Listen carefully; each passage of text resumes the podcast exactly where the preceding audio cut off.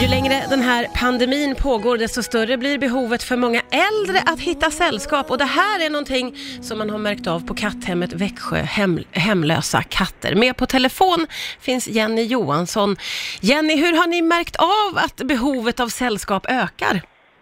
Eh, vi har fått otroligt mycket förfrågningar angående att skaffa katt.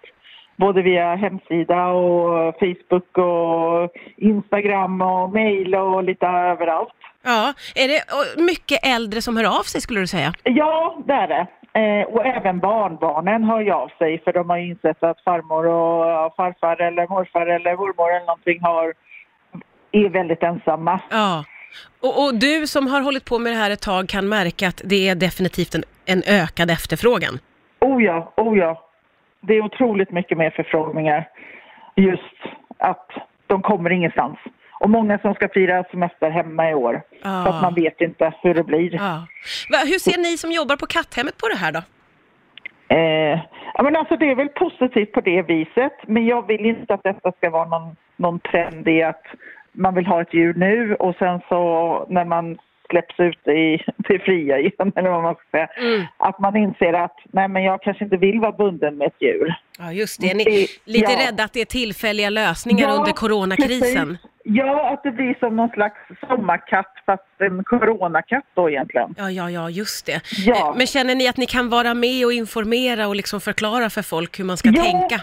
Ja, men absolut. För att vi gör ju alltid hembesök när man vill adoptera en katt och sådär. Och då, då går man ju igenom såna här saker om, och då märker man ju ganska snabbt om det är genomtänkt eller inte. Mm. Det märks jättetydligt. Ja. Så Och absolut.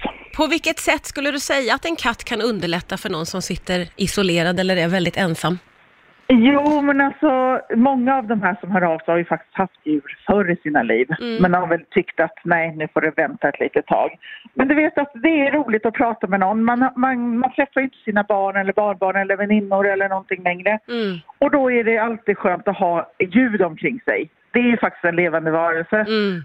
Man hör ju att den är liksom i närheten eller den leker lite eller den pratar lite eller något. Det är ju ändå ett sällskap. Ja, ja, det är det ju verkligen. Och, och Ja. på så sätt så låter det ju fantastiskt om många katter får nya hem tycker jag, men vi får verkligen Ja. skicka med folk det då, att det ska vara Jajamän. ett genomtänkt Ja. beslut, eller hur? Jag håller med dig. Ja. Det måste verkligen vara...